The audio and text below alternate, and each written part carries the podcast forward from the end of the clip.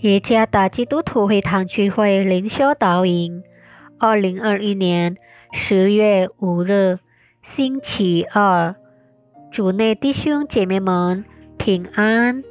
今天的灵修导引，我们会借着圣经诗篇一百三十九篇第一节到二十四节来思想今天的主题。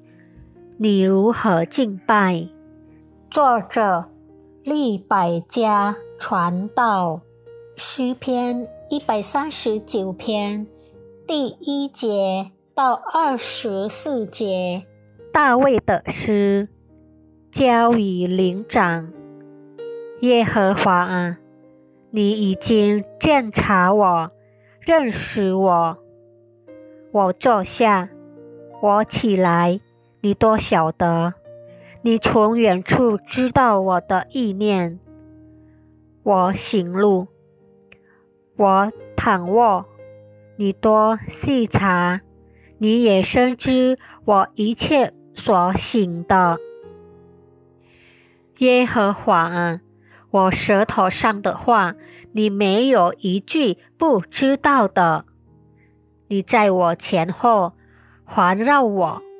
安守在我身上，这样的知识奇妙，是我不能测的；至高，是我不能及的。我往哪里去躲避你的灵？我往哪里逃躲避你的面？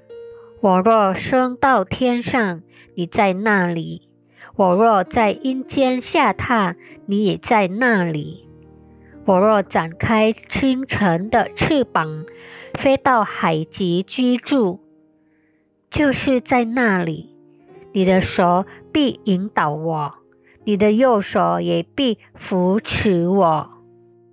我若说黑暗必定遮蔽我，我周围的亮光必成为黑夜，黑暗也不能遮蔽我。使你不见黑夜，却如白昼发亮；黑暗和光明，在你看都是一样。我的肺腑是你所造的，我在母腹中，你已复庇我。我要称谢你，因我受造奇妙可畏，你的作为奇妙，这是我先生知道的。我在暗中受造，在地的深处被联络。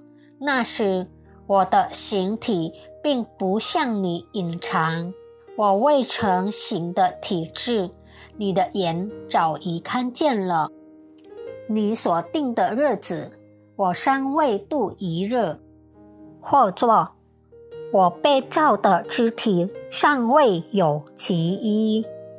你都写在你的册上了，神啊，你的意念向我何等宝贵，其数何等众多。我若数点，比海沙更多。我睡醒的时候，仍和你同在。神啊，你必要杀戮恶人，所以你们好流人血的，离开我去吧。因为他们说恶言顶撞你，你的仇敌也妄称你的名。耶和华啊，恨恶你的，我岂不恨恶他们吗？攻击你的，我岂不憎嫌他们吗？我切切的恨恶他们，以他们为仇敌。神啊，求你鉴察我。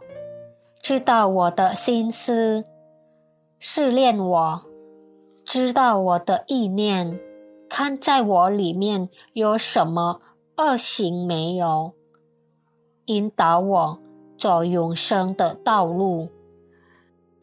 不知不觉，我们面对大流行病已经快两年了，许多事情都发生了变化，比如工作。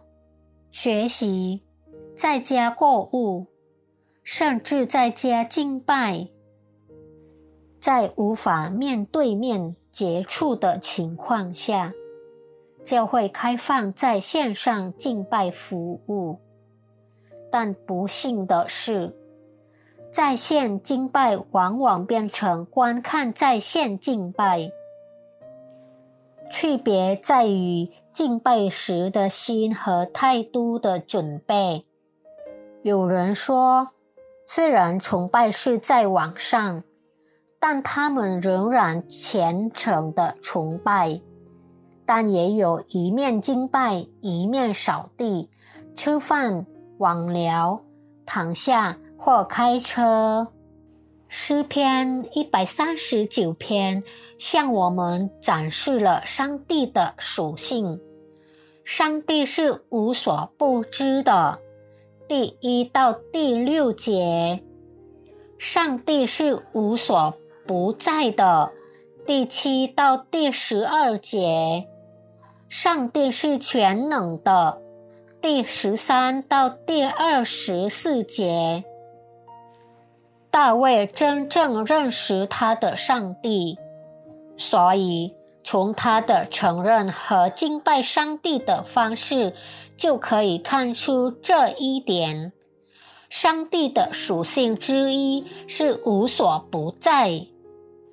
大卫意识到上帝不受空间和时间的限制，所以无论何时何地。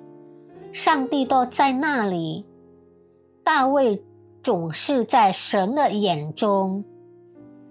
这也意味着，上帝不仅在圣殿或礼拜场所，而且无处不在。今天的我们也是如此，在基督里，我们明白上帝是无所不在的。因此，无论我们身在何处，甚至在我们周围的人不知道的地方，我们仍然基于神话语的真理自我谨守。我们总意识到，即使在隐蔽的地方，上帝也存在，在那里。我们也用一颗始终持守他的真理的心来敬拜他。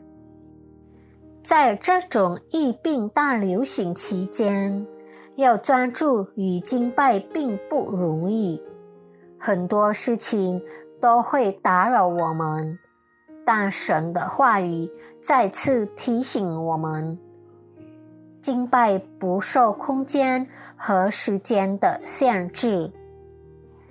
即使我们只在家里敬拜，上帝仍然同在。